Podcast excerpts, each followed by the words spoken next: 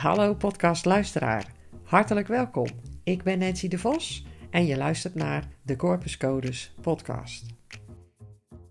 Vooraf aan het interview vandaag wil ik graag met je delen waar je de man kan vinden die al deze interessante en wijze informatie deelt. En dat is de website van Karel en Corine. Die heet schotenco.nl. En dat is schot met dubbel T en co met een C. Ik zal zorgen dat de, deze link ook in de notities onder de aflevering geplaatst wordt, zodat je dat makkelijk kan vinden in jouw podcast-app. En verder, ja, als je benieuwd bent, ik zou je echt aanraden om een keertje op die website te kijken. Want als je sowieso meer wil weten over het boek, of je wil het boek gaan bestellen waarin we het, waarover we het hebben in dit interview, dan uh, kun je gelijk al via hun website een bestelling plaatsen. En als je geïnteresseerd bent in een cursus of een opleiding doen op het gebied van leefstijl of uh, vitaliteit of sportgerelateerde insteek, altijd weer met het sausje van Corine en Karel erover, waardoor het een uniek maatwerkproject altijd is voor uh, de mensen die je gaat begeleiden. Dus uh, ja, dat, is, dat heeft echt een toegevoegde waarde. Je luistert naar de Corpus Codes podcast. Hallo allemaal en heel hartelijk welkom bij deze aflevering van de podcast. Onlangs heb ik een heel cool gesprek gehad. Een interview met Karel Schot, mijn mentor en opleider voor leefstijlcoaches. Hij is onder andere ook ontwikkelaar van het landelijk fitprogramma bij onze politie en de man die als geen ander over stress vertellen kan. Ik ben heel blij en dankbaar dat hij zijn tijd heeft willen besteden aan dit gesprek met mij. En de insteek was om het voornamelijk over stress te hebben. Maar we gaan het ook hebben over wat is nou eigenlijk de functie van het stresssysteem. En uh, over, natuurlijk over zijn nieuwe boek wat hij geschreven heeft met zijn partner Corine Lodder. En uh, nou ja, ik vond het zelf heel boeiend en ik uh, hoop dat jij dat ook vindt. Ik wens je heel veel luisterplezier.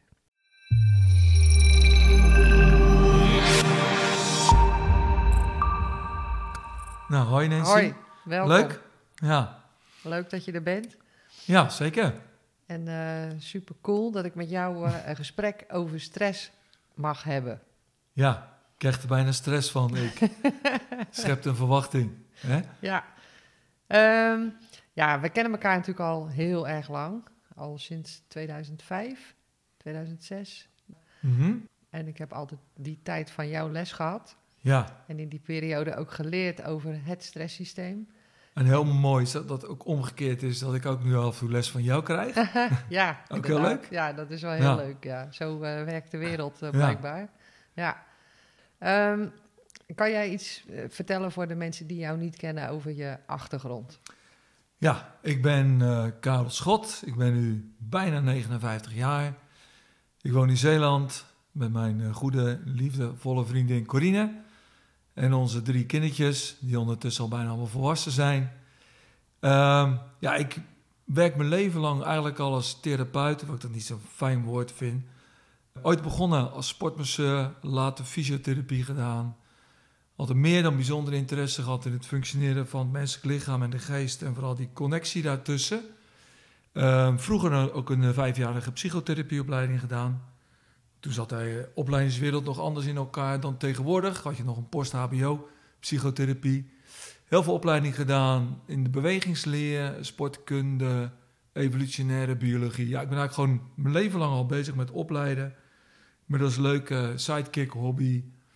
Regelmatig in de snijzaal geweest. De laatste tijd met het corona-verhaal eventjes wat minder. Ja, en daar probeer ik dan de verbinding te maken. Ja, je maakt de verbinding tussen dat wat we met ons brein kunnen leren, wat we kunnen opnemen allemaal. Ja. En daarnaast kijk je ook naar hoe zit dat in, dan in het lichaam ja. eruit. Nou, je kan de mooiste theorieën hebben over interventies, over voeding, over sport, over bewegen. Prachtig. Maar voor mij gaat het pas leven als ik er ook in, in de praktijk iets mee kan. Als ik het mensen kan uitleggen en zelf ervaren, dat, dat staat bij mij boven mijn lijst. Ja. Ga het eerst maar eens op jezelf toepassen. Uh, op amputaties na hebben we alles uh, geprobeerd. En ehm, werkt dat nou in de praktijk? Gaan mensen daardoor beter voelen, eh, beter functioneren, volwaardiger in het leven komen te staan, vitaler, gezonder? Ja. Daar, daar ligt onze passie. En wat is daarin een van de belangrijke pijlers voor jou? Wat, je- wat je geleerd hebt of ontdekt hebt in, de, in die, al die jaren? Nou, als je kijkt wat wel vaak de brug is, wat de stap maakt van gezond functioneren naar ziekte of dysfunctioneren, er zitten nog meerdere stappen tussen, dan denk ik dat je stresssysteem daar wel een hele belangrijke rol in speelt. En dat stresssysteem wordt vaak in een kwaad daglicht gezet. Van, oh, ik heb zo'n stress. Maar misschien leuk om vandaag over te hebben, dat de basisfunctie van jouw stresssysteem is behoud van jou als individu. En secundair zelfs behoud van de groep. En ehm, dat er heel vaak geroepen wordt, je hebt last van stress, eh, je gaat niet goed met stress om. Alsof dat een een of andere grote vijand is. Maar ik denk op het moment dat je het stresssysteem gaat herkennen en leren waarderen. En ook om een paar knopjes gaat leren drukken wanneer het aanstaat, wanneer het weer uit kan zetten. Dat je het heel functioneel kan inzetten. Dat het zelfs verrijkend kan werken in je leven. Om optimaal gebruik te maken van dat mooie stresssysteem. Wat we evolutionair al eh, honderdduizenden jaren met ons meedragen. En iedereen vraagt zich natuurlijk nu af, welke knopjes kan je dan op drukken? Ja, ja. Nou ja, de, de mooiste knopjes zitten natuurlijk gewoon in je lijf zelf. Dus ten eerste je ademhaling reguleren, je spierspanning reguleren, eh, hoe je contact is met andere mensen, wat je in je mond stopt qua eten, hoe intensief je wel of niet sport en beweegt. Er zijn natuurlijk legio interventies om Ja. je stresssysteem gewoon in de goede balans te houden. Wat ik vaak mensen eh, eerst vertel als, als we daar naar gaan kijken is, vergeet niet, je bent een zoogdier. We vinden ons mens natuurlijk zo uniek, want we hebben dat unieke brein. We kunnen op onszelf reflecteren, maar in de kern ben je gewoon een zoogdier. En je hebt het exact hetzelfde stressmechanisme recht tussen je oren zitten als een zoogdier. En ook nog eens als een reptiel. En we hebben een zoogdierenbrein, we hebben een reptielenbrein. En dat stresssysteem is al vanaf de derde maand in de zwangerschap is dat al actief bij kinderen. Slaat het al informatie op, zitten kerncomplexen die eigenlijk heel simpel werken. Het, het staat iets is pluis of iets is niet pluis. Daarbij krijgt een, een kind wordt geprimed met het stresssysteem van de moeder. Dus als de moeder heel stressvol is, dan wordt het kind al geboren met een redelijk actief stresssysteem. Dat lijkt misschien niet zo handig, maar als de moeder in een hele stressvolle omgeving woont en het mechanisme van het stresssysteem is kunnen aanpassen aan die moeilijke omgeving, dan is het wel handig als jij als kindje met datzelfde systeem wordt geboren. Ja, dan ben je voorbereid. dat je daarop ingericht bent, zeg Ja. maar, op de, wat er gaat komen. Ja, Ik las pas een artikel over eh, dat het stresssysteem eigenlijk, of het brein eigenlijk vooral ook de hele tijd aan het anticiperen ja is. Heel nou, dat is leuk dat je die erbij haalt. Want en zo werkt dus eigenlijk het stresssysteem. Ja, Het is een proactief systeem. Die, die eigenlijk werkt better safe than sorry. Hè, zo werkt Ja. ook de amygdala. Eh, het neemt iets waar wat potentieel gevaarlijk kan zijn. Ik zeg vaak, lijkt iets op een beer. Ga dan begin even vanuit dat het een beer is. ja, Vergroot je overlevingskansen. En later komt dan de check, het was geen beer. Nou, die, die proactiviteit brengt jouw lichaam in een staat van paraatheid. ja, Nou, dat is mega functioneel. Maar waar gaat het nou fout? Als mensen natuurlijk allerlei irrelevante gedachten, overtuigingen gaan krijgen. Of gedragsstructuren zich eigen gaan maken. Waardoor dat systeem langdurig gaat aanstaan. ja. En het systeem kan soms zo overactief worden. dat er gewoon veel te weinig rust en herstel tegenover staat. Ik wilde eens vragen welke. Hè, het stresssysteem gaat aan, dat is iets wat wij dan vaak natuurlijk tegen elkaar zeggen. Maar wat gebeurt er dan precies als je stresssysteem aan is? Ja. Nou, ten eerste moet je bedenken dat je stresssysteem invloed heeft via het zenuwstelsel, via de orthosympathicus, met bijna elke cel in je lichaam. Ja, En orthosympathisch is aan. Ja, dat zeg je, wij zeggen vaak ortho-sporto. Als je intensief gaat sporten, Ja. dan staat je ortho aan. Dat maakt je actief. Je Ja. hartslag gaat omhoog, je longblaasjes gaan open, capillaire in de spieren gaan open, capillaire in de huid gaan dicht. Immuunsysteem wordt even stilgelegd. Er gaat minder bloodflow naar corticale brein. allemaal bedoeld om zoveel mogelijk bloed naar informatiesystemen te sturen in jouw lijf. Alle zintuigen komen op scherp op de smaak na. En om uh, een herverdeling van bloed neer te zetten. Dus alleen orgaansystemen en celsystemen die relevant zijn om die potentiële bedreiging aan te kunnen, daar gaat energie en bloed naartoe. En de rest wordt gewoon even tijdelijk stilgelegd of op een lage pitje gezet.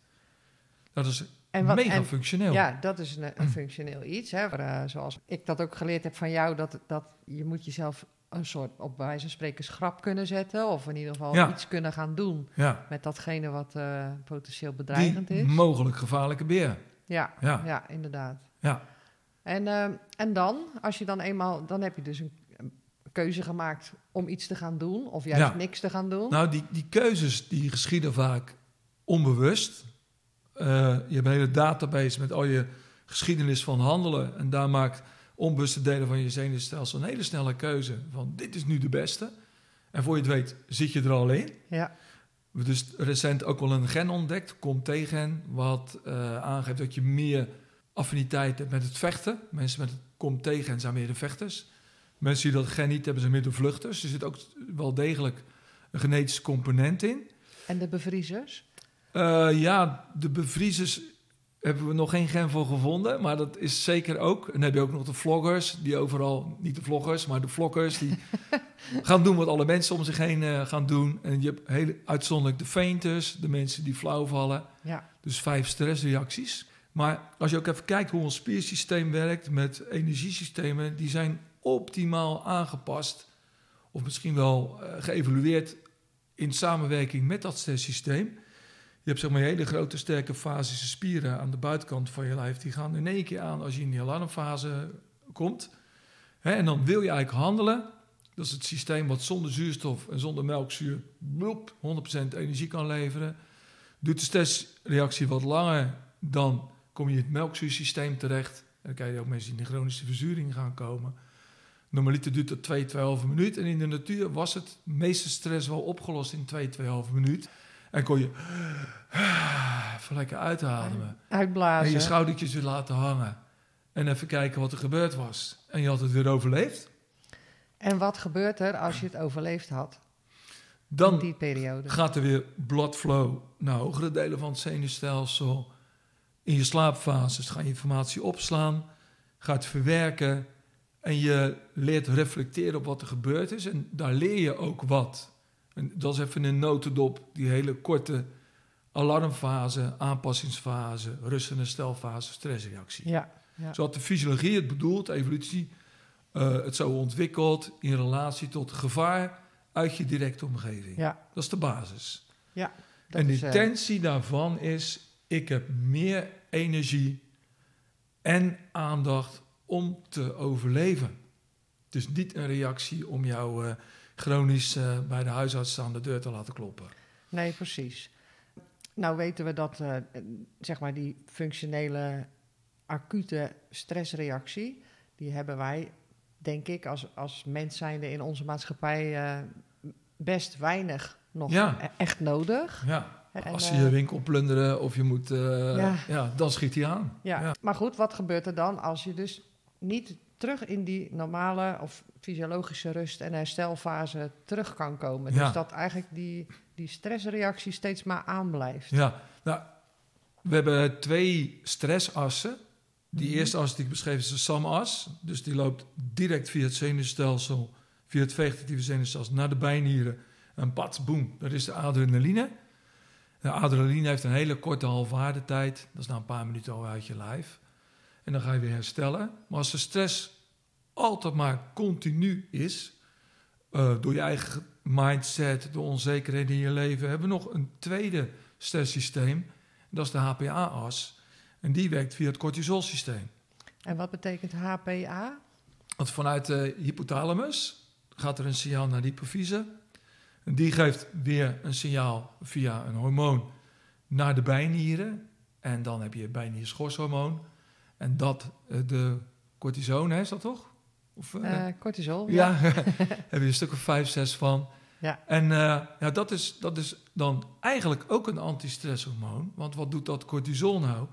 dat zorgt dat je in een hoger energielevel komt voor langere tijd.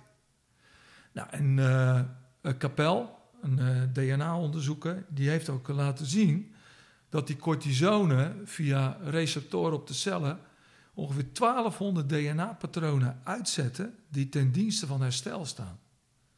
Dat wist ik niet. Ja, dat dus is dat wel, is wel uh, mega interessant. Ja. Want het lichaam maakt eigenlijk gewoon energiekeuzes. Ja, precies. De primaire energiekeuze, ik word nu bedreigd, dus ik moet energie hebben om die bedreiging aan te kunnen. Doet je stresssysteem voor je. En alles wat ten dienste staat voor rust en herstel, wordt gewoon geparkeerd. Als je dus je cortisol hoog is in je systeem, dat is functioneel wel kortdurend een prima uh, fysiologie of prima aanpassing op uh, omstandigheden. Maar als dat uh, dus langer duurt dan een, dan een bepaalde periode, keert dat eigenlijk om, dat nuttige effect daarvan. Nou ja, kijk, vanuit het perspectief van het stresssysteem is het nog steeds nuttig. Want ik Precies, krijg signalen ja. dat ik word bedreigd. Ja. Dus ga ik je helpen die bedreiging aan te kunnen. Ja. Maar hoe reëel is die bedreiging nou? En dat stresssysteem kan ook aanslaan op allerlei andere fysiologische verstoringen. Vanuit je voeding, vanuit bepaalde medicatie, vanuit beeldschermgebruik, te weinig slaap, noem maar op. Hè. Het is vaak meerdimensionaal raakt de balans verstoord. Ja, en, en uh, als we dan kijken wat voor schade dat aan het lichaam geeft. Het is gewoon glashard aangetoond dat bepaalde structuren in het brein gewoon krimpen. Hè, de, de prefrontale cortex, waarmee jouw zelfreflectie geschiet, die krimpt gewoon in een lange periode van stress. Ja. De hippocampus, die een rol speelt in verwerking en bepaalde delen van het geheugen, die krimpt gewoon door stress. De amygdala, die de perceptie doet van stress, die wordt groter als je langere tijd onder stress staat. En hebben we daar een uh, kennis van over hoe lang dat die periode is? Nou, dat, dat, dat, dat, het, zeg dat maar... is lastig te bepalen. Uh, het elastiek komt onder rek te staan, zeg ik. Mm -hmm. En hoe sterk is nou dat elastiek? Ja. En als, was er al veel veerkracht uit? En dus wij noemen dat de term veerkracht of weerbaarheid. Hoe sterker je je veerkracht staan, hoe weerbaarder je bent, hoe langer je het kunt volhouden. En een hele belangrijke factor is dat dat systeem regelmatig gewoon echt helemaal even uitgaat. Ja. ja. En dan kom je dus, je had het net over het orthosympathische systeem, dus de, ja. de stressreactie, de aanstand. Ja. En dat uitgaan, dat zit dus in dat andere deel ja, van het zenuwstelsel. Dat is het parasympathische ja. systeem. En wat, het, wat voor functies ken jij uit het parasympathische Nou, die parasympathische parasympathicus die geeft... Uh, die zet het lichaam allemaal in rust- en herstelstanden. Dus dat voorraden zich weer herstellen... Uh, weefselschade hersteld kan worden... Uh, spieren versterkt worden na een training of zoiets... Wondgenezing gebeurt in de parasympathische status. Verwerking in het brein van indrukwekkende gebeurtenissen. Ja, het is eigenlijk gewoon uh, de grote reparator ja, in je lijf. Informatieopslag gebeurt onder invloed van de parasympathicus. Ja. En uh, wat gebeurt er als iemand bijna nooit in die parasympathische fase kan komen? Ja. Als dan, je bijvoorbeeld ook niet in je diepe slaap kan komen. Ja, die, ja, die diepe slaapfases ga je minder in. Uh, je verwerkingsslaapfases, je remslaapfases ga je veel minder in. En wat we ook zien is dat het immuunsysteem slechter gaat werken. Dus je wordt steeds vatbaarder voor allerlei infecties. Ja. er lopen heel veel beestjes rond in de lucht. En ja. aan deurknoppen, et cetera. Waar je nou maar niet helemaal gelast van hebt. Maar als je langere tijd onder stress staat, gaat je immuunsysteem slechter werken. Ja, en dan hebben omgevingsfactoren natuurlijk um, meer mogelijkheden om bij jou binnen te komen ja, of jou je, uit een balans als te de brengen. rek uit jouw systeem gaat, ja, ja. word je kwetsbaarder. Ja, ja. ja. Dat is dus niet alleen op een fysieke niveau, maar ook op een mentaal, emotioneel vlak. Ja, en ook sociaal minder vaardig. Ja. He, ja, je ziet gewoon op alle dimensies van het menselijk bestaan, tot op zingeving toe. Ja. Wat je nou bij de jeugd heel veel hoort, in de alle coronaperikelen, die raken hun zingeving kwijt. Ja. ja, dan zie je sommige mensen met een uitgeput stresssysteem komen in depressieve toestanden terecht. Ja. En het woord depressie zet ik dan vaak in een andere context. Depressie. De druk gaat er gewoon af. Precies. Want in die lange termijn stressreactie zit een omkeereffect. Dus een omslagpunt. Op het moment dat het systeem heel hard aanstaat, langdurig aanstaat, gaat het naar een zekere top. En op een gegeven moment gaat het over de top. Zie je een inspanningsfysiologie. Als je lichtjes gaat verzuren, nou zeg een hardloper, kan het nog volhouden, tweeënhalf minuut later. Slaat gewoon om naar de andere kant. En zo is het ook met het stresshormoon. En dan zie je dus dat de cellen doof beginnen te worden voor het stresshormoon. Die zeggen, ik, ik luister niet meer naar jou, anders ga ik kapot. Wat dan gaat gebeuren, dan gaat die bijnier wordt nog meer geactiveerd vanuit dat stresssysteem. Om er nog meer cortison in te pompen. Nou ja, dan gaat je schildklier op zijn gat, dan gaat je insulinehuishouding op zijn gat, dan krijg je botafbraak.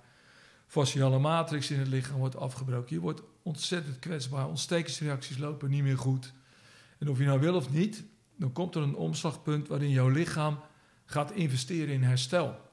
En noemen we dan tegenwoordig een burn-out, of we noemen dat een depressie. Ja, is eigenlijk een afgedwongen herstelproces. Maar het is eigenlijk ook weer heel functioneel dat het lijf zegt: jij blijft nou van die aanknop af. Ja. En ik zet hem alleen nog maar op de uitknop.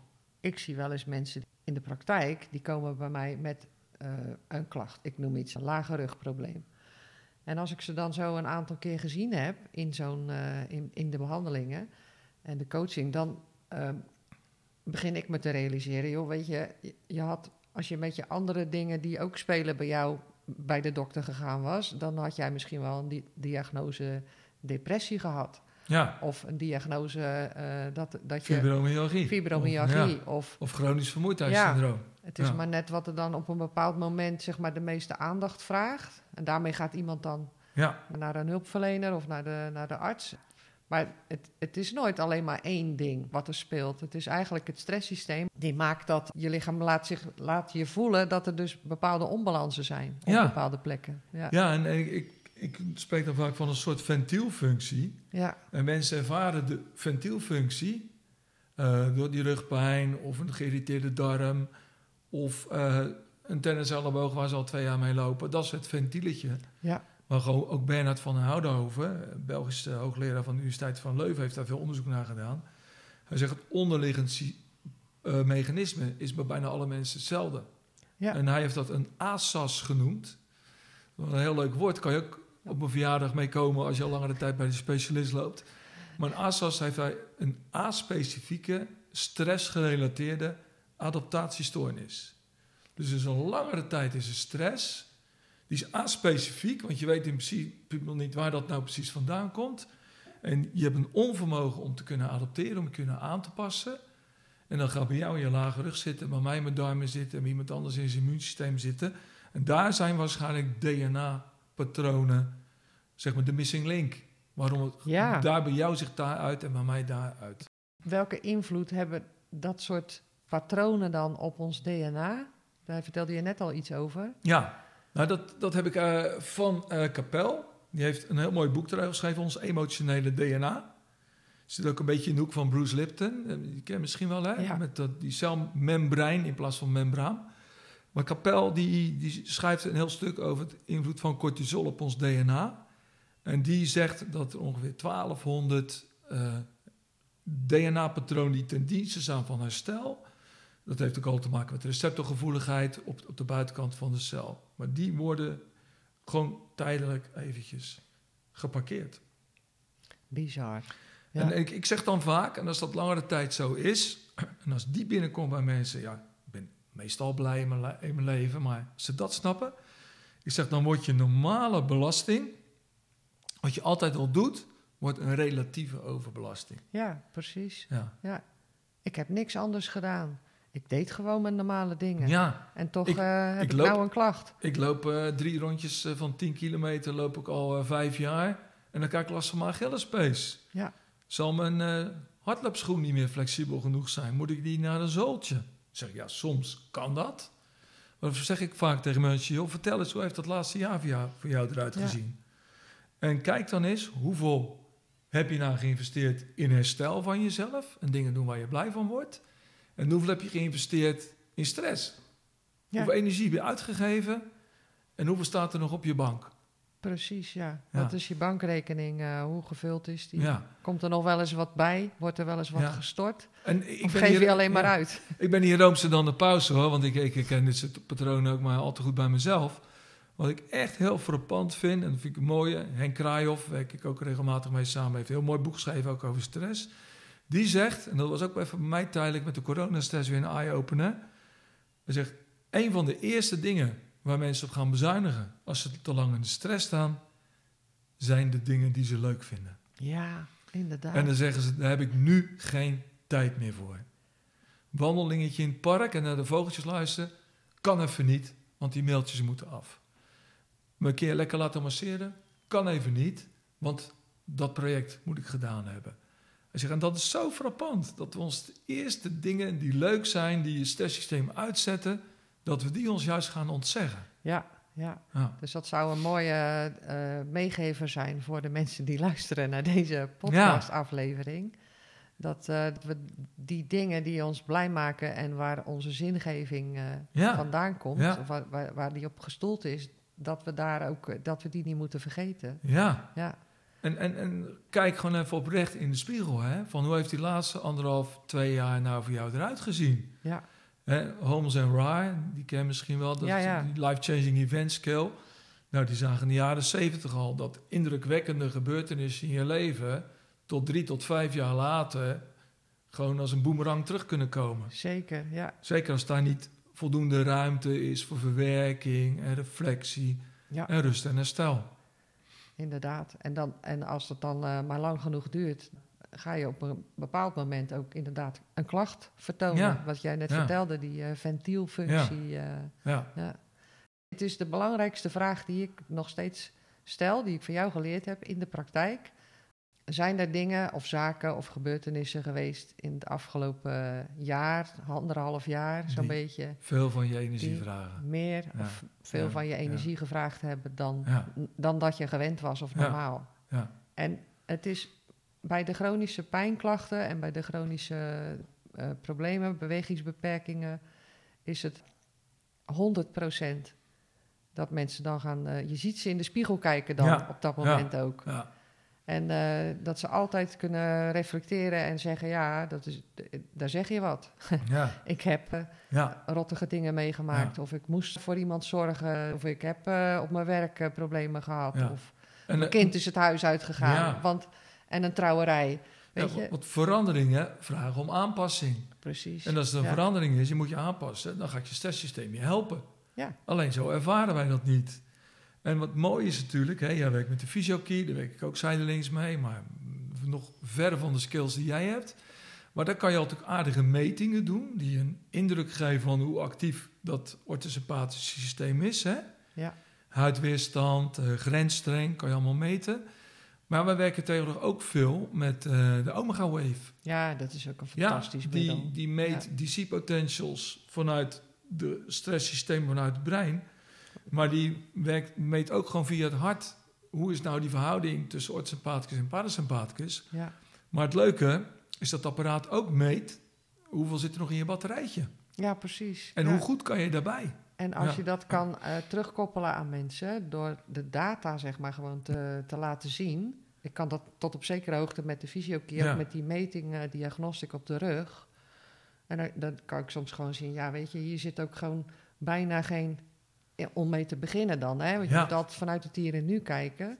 Omdat eh, de herstelcapaciteit van het lichaam is vaak nog best wel heel groot. Ja, Ik kan dan echt in, eh, en jij kan dat natuurlijk ook, kan je laten zien. Kijk, jouw systeem is op dit moment helemaal niet bezig met herstellen. Ja. Het is bezig met overleven Ja. of het is bezig met eh, ja. zorgen dat ik überhaupt een beetje kan functioneren. ja. En wij, wij werken natuurlijk veel binnen Defensie, binnen de Nationale Politie. En we werken steeds meer met deze metingen. En we doen ook groepsmetingen. En eh, van agenten die aan de frontlinie staan, ja, daar zijn we echt onze rot van geschrokken. oh ja, Het zijn natuurlijk vaak gedreven mensen, hè, hard voor de zaak, die veel meer van zichzelf eh, vragen dan misschien wel goed is. Die loyaal zijn voor hun functie en hun taak. ja, En eh, ja, je meet gewoon compleet uitgeputte stresssystemen. En mensen houden zich overeind met koffie en energy drinks en andere zaken. Ja, en dan moet je niet gek opkijken als één op de vijf mensen daar uitvalt met stressgerelateerde stoornissen. ja, dat, dat hoor Dat is nu eh, toch volgens mij in de ziekenhuizen ook aan het gebeuren. Ja, Ja, ik denk ook dat we langzaamaan afsteven op een uh, pandemie aan uh, chronische stressgerelateerde ja, ja, uh, pijn, blessures, klachten die, ja, die gewoon ons, ontstaan doordat ons systeem geen, geen ruimte meer heeft gehad om te, om te herstellen ook tussendoor. Ja. Ja, ja en dan, dan, ja, dan natuurlijk, ik, ik werk altijd zo. ik, ik ben nog steeds een empathisch mens. maar in, in mijn ruime ervaring als als begeleider, coach, trainer, therapeut, kies ik toch wel vaker de confronterende weg. Ja? Ja, ja. Ehm, ja, ik denk als, uh, als mensen even een eh, slap in de face krijgen... en ze zien vooral zo'n uitdraai van zo'n uh, omega-wave meting... ja, dit ben, wel, dit ben jij. Ja. Dat is niet je buurman, hè? dit gaat over jou. Dat zijn geen grote getallen, dat is gewoon jouw systeem wat hier uh, vertelt hoe het ervoor staat. En dan stel ik ook vaak de vraag van, joh, als je nou zo doorgaat, hoe gaat het dan over drie maanden met je? Ja. Ja, dat trek ik nog wel. Oké, en over een jaar? Nou. En over vijf jaar? Weet je, dan komen mensen tot inzicht. Ja. En dan, uh, ja, dan denk ik ook dat je eventjes een, uh, een leefstijl reset moet gaan doen. Precies, ja. Want je kan wel gaan sleutelen aan dat lichaam en behandelen. En, ja, je eh, kan natuurlijk wel met, met allerlei medicamenten bepaalde symptomen onderdrukken. Je kan iemand een slaapmiddeltje geven, zodat hij eventjes beter wat lijkt te slapen. Heel kort duurt het misschien. Je kan een ontstekingsremmen geven voor zijn pijntjes in zijn elleboog. Oké, dat werkt misschien allemaal wel. Maar op, het, op dat moment zeer onaangename symptoom. En dat is fijn dat dat kan, maar het reset niet je stresssysteem. Sterker nog, het brengt je vaak nog langzaamaan verder van huis. En dat is ook wat ik wel vaak zie, dat mensen al uh, jaren met bepaalde bindweefselklachten natuurlijk wat ja. meeste voorkomt rondlopen. En dan, uh, ja, van alles is er al ge geprobeerd om het te, te verbeteren. Ja. Uh, behandeling, soms een beetje in de, meer, iets meer in de keten kijken. Dat ja. wordt dan ook best nog wel gedaan. Ja.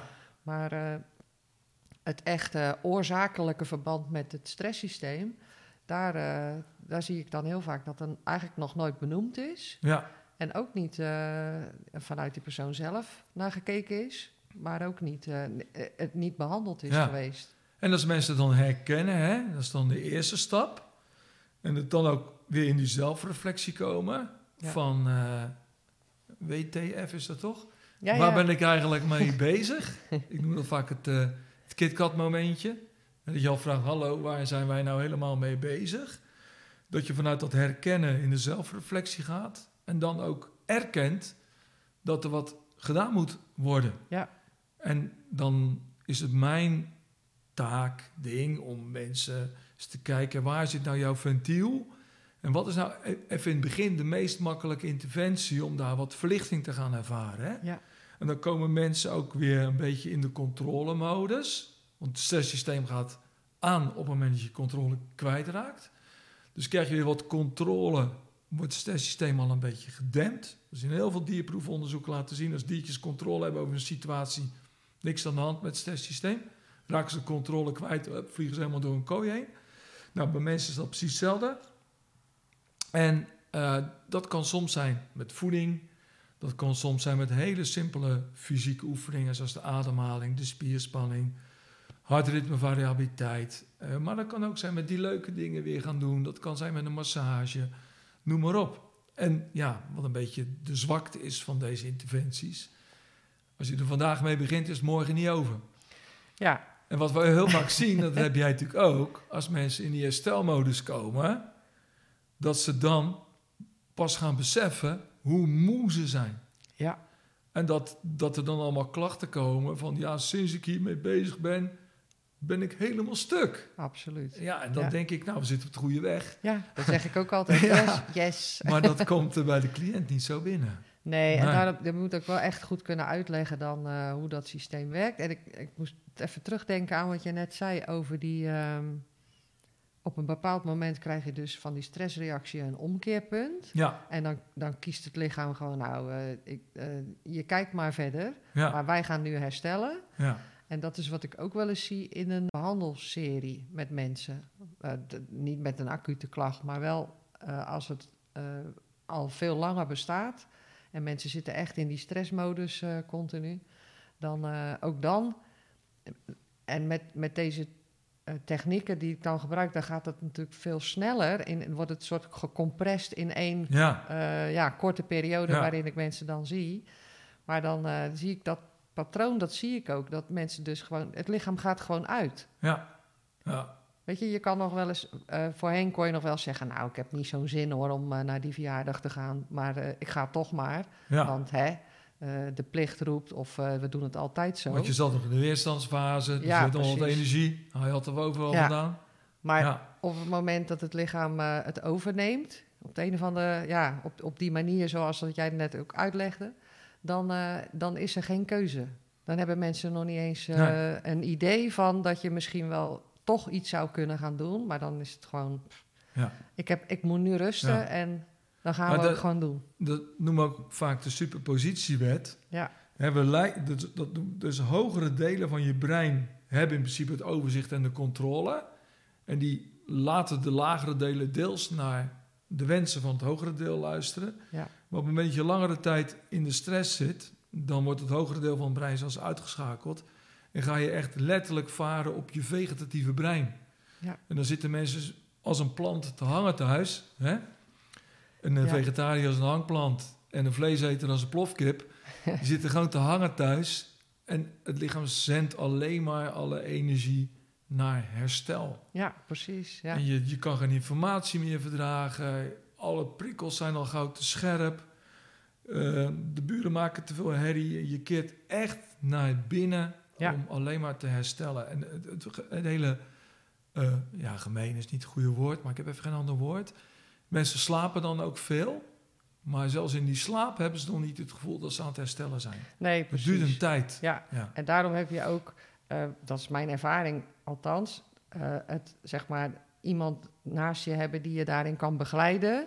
En Ja. vertellen dat, dat dit de processen zijn Ja. en een natuurlijke herstelcyclus, dat die nou eenmaal zo werkt. Dat, dat is een fysiologie en dat, is, dat zijn natuurwetten. Ja, Daar kan je niet omheen. En ehm, dat er ook eh, eh, interventies of, of eh, technieken zijn waarbij je dus je energie ook weer wat kan Ja. activeren en je lymfatische systeem kan helpen en Ja. ook je, je stresssysteem kan helpen om al die functies zo goed mogelijk uit te voeren. Ja. Ja, dan, en met een aantal supplementen en natuurlijk wat doen. Ja, Maar natuurlijk, dat zijn allemaal hele mooie interventies. Een hele fijne massage, goede fysiokiebehandeling, een goed gesprek met iemand. Ja. Maar uiteindelijk gaat het ook even het meest, vind ik, om jouw eigen gedrag en je eigen perceptie. absoluut. Ja. Ja, als daar niks in verandert, Dan sta je volgende week bij de volgende therapeut. Ja. Ja. Of blijkt deze therapeut waar je bij loopt het ook weer Ja. niet te snappen. precies. Totdat je Ja. ergens eh, de magic eh, bullet eh, vindt op een telcelreclame of zo. Ja. ja. Daar hoorde ik pas nog iemand een mooi verhaal over vertellen. Die had zo'n elektrische eh buik, Buikspierenactivator. eh. Ja, Die had ja. hij gewoon eh, volgens mij op één dag drie uur lang opgehad. ja. Nou, die is gewoon drie weken uit de running geweest. omdat hij zo geactiveerd Ja, was, dat systeem. ja. Ja. ja. Maar wat ik wel heel jammer vind, in onze medische wereld. Kijk, ik ben, ik ben heel blij dat er specialisten zijn. En specialisten zijn heel goed in wat is er nou kapot in dat ventieltje. Ja. En natuurlijk, dan kunnen ze repareren. Soms met een operatie, soms met medicamenten. Maar ik, ik, ik, ik pleit sterk voor een soort overall specialist, een generalist. Die zeker in samenwerking met die specialist, maar ook metingen doet aan dat stresssysteem. Meet hoe effectief de slaap is. Het is allemaal meetbaar tegenwoordig. Ja. En dan kan je toch wel even zien hoeveel kan een lijf nou nog investeren in herstel. Hoe gevuld zijn de batterijtjes? Hoe goed kan je bij je batterijtjes komen? En ik denk als je daar ook de bereidheid hebt om naar elkaar te luisteren en met elkaar samen te werken, ja, dat we toch wel een aardige besparing kunnen hebben in de Op, ziektekosten. eh, dat denk ik zeker. wat ja. voor beleidsbepalers vaak erg belangrijk is, maar wat voor mij nog veel belangrijker is, dat we heel veel levensgeluk Ja, aan mensen kunnen absoluut. laten ervaren. En dat we door een eh, meer een soort integralere visie ja, eh, in het algemeen aan Ja. te gaan nemen met elkaar. Dat we daardoor eigenlijk juist eh, veel meer mensen met dat herstelvermogen kunnen helpen. ja, Ja, ja. dat zou een mooi, eh, Ja. mooi eh, eindresultaat zijn. Hè? ja. Dus ja, dat is onze hogere missie. Leuk. En ons, bedoel ik dan Corine en mij mee, hè? we hebben een bepaalde visie hoe we dat uitdragen. En onze hogere missie is dat we op een laagdrempelige manier mensen tot inzichten laten komen waarmee ze kwaliteit van leven kunnen verbeteren. Heel cool. Ja, Onlangs hebben jullie een boek uitgebracht. ja dat gaat deels over stress Deels over stress. en gedragsverandering. Ja, Dat die twee eh, niet zo met elkaar goed hand in hand gaan. ja. Ja, Maar je vertelt in dat boek, en dat vind ik heel leuk aan jullie aanpak ook. Je vertelt daar ook in dat niet elke interventie of elke aanpassing is voor iedereen even goed. Ja, Ja, ja. want we hebben ook te maken met onze eh, persoonlijke variaties gewoon Ja. van binnenuit. En wij, wij, we- zijn al heel lange tijd geïnteresseerd in het bodytyping model. Wat je overal in de geschiedenis, in de Ayurveda, de, in de Chinese leer zie je ook natuurlijk bepaalde bodytypes terugkomen. Eh, in de 19e eeuw kwamen de ectomorfen, endomorfen en mesomorfen een beetje voorbij. Ja. In de 20e eeuw, net, net aan een beetje de overgang. Had je nog de leptosoom en de picnicus en de atleet. Nou, we zagen al, en in heel veel eh, alternatieve therapieën werd al een beetje melding gemaakt van die bodytypes. Hebben sommigen moet je dat juist wel geven en anderen niet. Nou, de loop van de afgelopen 10, 15 jaar zijn wij daar heel diep ingedoken. En we willen het met respect hoor, een beetje ontdoen van het vage. En kijk, waar zit er nou dat verschil in? En dan zit het grootste verschil in de samenstelling van je spierskelet. Ja, En dat spierskelet, daar hebben we drie types in. En ehm, dat wordt gewoon aangezet vanuit je DNA. Wij werken tegenwoordig ook met DNA-testen en dat bevestigt ons idee alleen maar. En we werken vaak met interventies. Als je af wil vallen, moet je dat en dat gaan doen, zegt, zegt men in de reguliere hoek. Hè?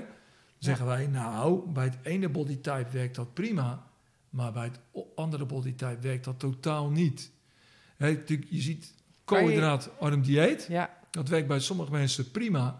En bij andere mensen, die eh, plegen na twee weken een, eh, een straatroof... eh, met iemand die met een pak gevulde koek eh, rondloopt. ja, Ja, inderdaad. Ja, en kan jij iets meer vertellen over die verschillende lichaamstypes die er zijn? ja. Je hebt fasische musculatuur, hè? dat weet je nog misschien nog wel. Dat is grote, sterke musculatuur aan de buitenkant. Ja, Dat zijn fast twitch spieren. Die zitten één op één gekoppeld aan het stresssysteem. En bam, die vliegen erin op het moment dat die acute stress komt. ik moet nu handelen. Ja, ik moet nu handelen. Ja. Nou, die hebben geen warming-up nodig. Die kan, boep, kan er zo in knallen. Nou, er zijn mensen die zijn dat fast twitch dominant. Ja? Ja, dus die hebben meer, Meer van van, dit die soort grote spieren dan andere Ja, mensen. Dat zie je echt in bepaalde rassen ook terug. Ja. Nou, bijvoorbeeld eh, de mensen die uit donker-Afrika komen, uit oerwoud, junglegebied, Ja. die eh, helaas als slaven ook vaak naar Amerika getransporteerd zijn en Jamaica. Daar zie je heel veel van die fast twitch types. Goede Ja. sprinters, goede boxers, noem maar op. Ja? Ja. Aan de andere kant van het spectrum heb je slow twitch mensen. Mensen hebben ook tonische spieren. Het zijn dan wat kleinere spiertjes, zijn wat smallere mensen. Die zitten aan de binnenkant van je lijf. En die kunnen het heel lang volhouden, maar die zijn niet zo krachtig. Ja. Dat is het andere bodytype. Daartussenin zit een intermediate type. De meeste blanke westerlingen zijn intermediate. En die spieren die ontwikkelen zich naar wat jij ermee doet. Dus ga je als intermediate veel duursport doen, veel fietsen, veel hardlopen, dure inspanningen, word je meer een type 1 bodytype.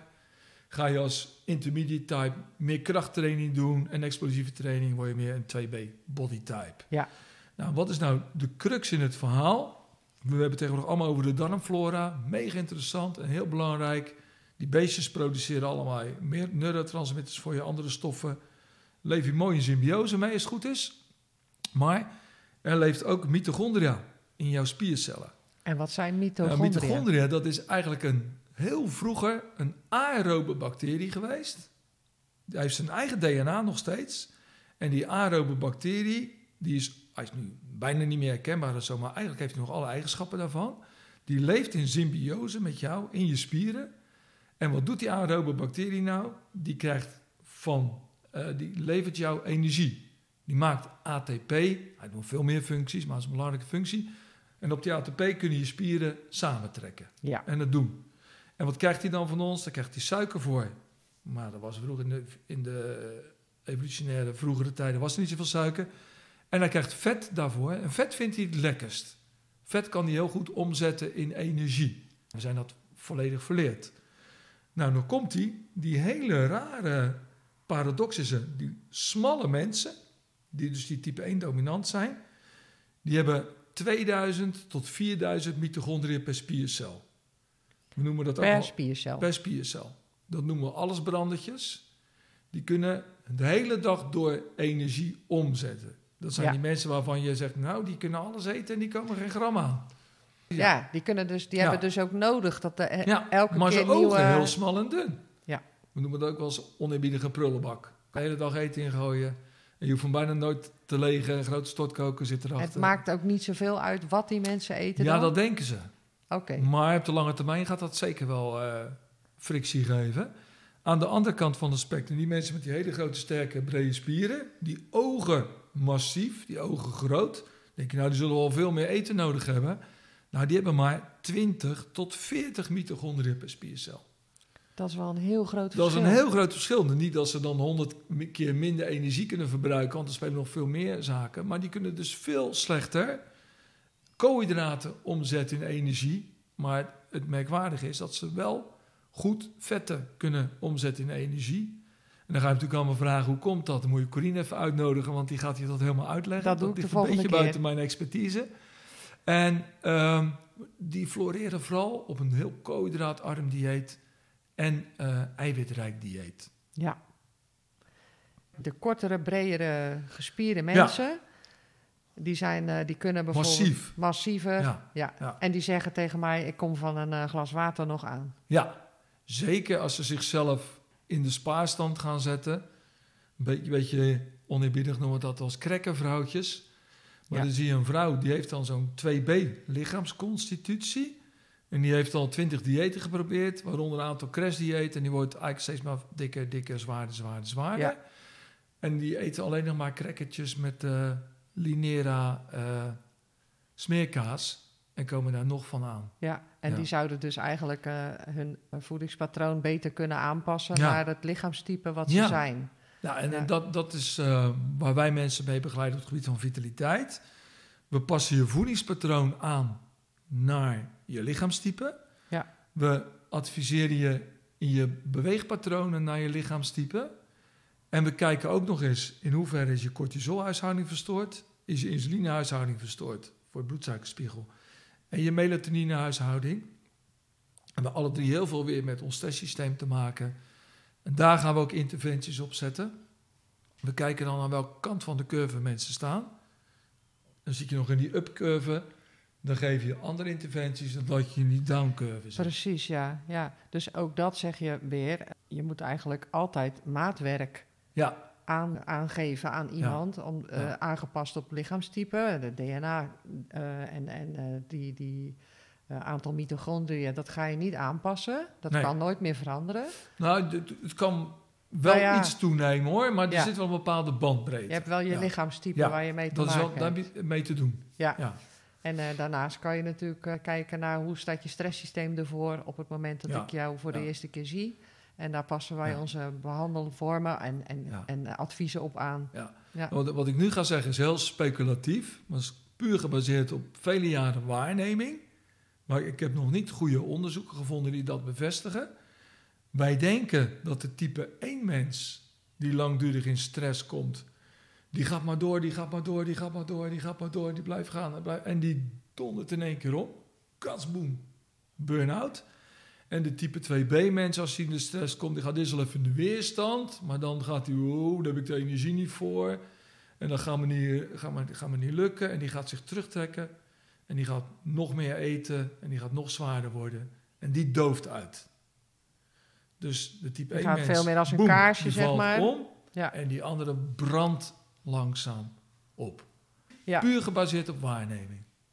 Ja, ik zou me dat wel voor kunnen stellen dat eh, bepaalde lichaamstypes ook horen bij bepaalde copingstijlen. Ja, Ja, Ja. met eh, hoe en ook deels wat je van je ouders meekrijgt en wat je leert in je leven. Hè? Ja, Maar je, het lijkt wel dat de type 1 er meer in de approach coach coping zit. Dus die bap, die vliegt erin. ja, Probeert het lang vol te houden. Ik noem Dolph Jansen wel eens als eh, voorbeeld. Snedig, altijd paraat. theatervoorstelling. Moet daarvoor nog even een duurloopje van 21 kilometer doen. Ja, Ja? ongelooflijk Ja. hè? Dat, dat, En aan de andere kant heb je dan mensen die denken, ja, waar is die nou gebleven? Die zie ik al een hele tijd niet meer. En die blijkt dan met een depressie thuis te zitten. En dan ga je eens kijken en dan blijkt dat toch wel vaker zo'n 2B-type te zijn. Die dan uitgedoofd is. Ja. ja. ja.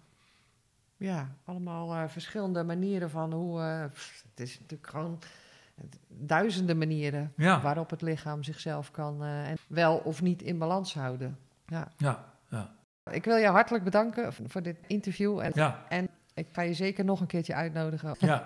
En eh, ik ga Corine ook een keer uitnodigen Ja. voor eh, over, meer over voeding te komen vertellen. Oké. Hartelijk Dankjewel. dank.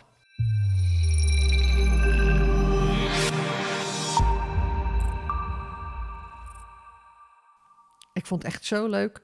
Het kan wel iets voor vaker zijn om wat met Karel te doen. Ehm, ik denk aan leuke vraag en antwoord over specifieke onderwerpen waarin jij geïnteresseerd bent. Fascia, stress, klachten, vitaliteit. Er, er is nog zoveel uit eh, deze gesprekken te halen, denk ik. Ik vond dit echt een heel gaaf gesprek. Ik hoop dat jij dat ook vond. En eh, zo, als dat zo is, laat me dat dan even weten via jouw social media kanaal waar jij me volgt. keyhealth.nl of via de bekende contactgegevens die je hebt.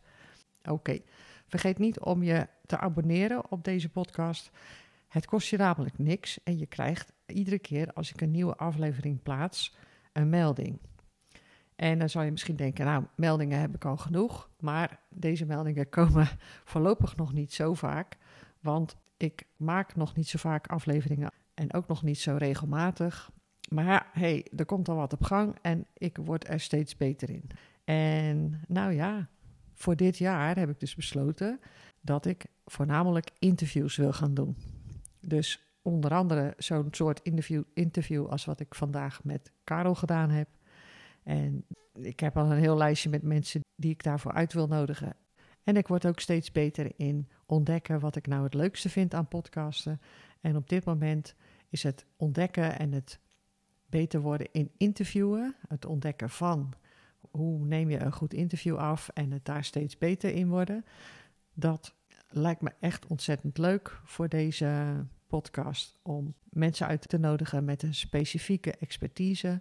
En op dit moment wil ik me dus gaan toeleggen, dit jaar in ieder geval, op een aantal interviews. En dat kan heel uiteenlopend zijn. Wie dat allemaal worden, dat gaan we in het komende jaar verder ontdekken. En ik heb er al een paar eh, op mijn lijstje staan. Dus stay tuned.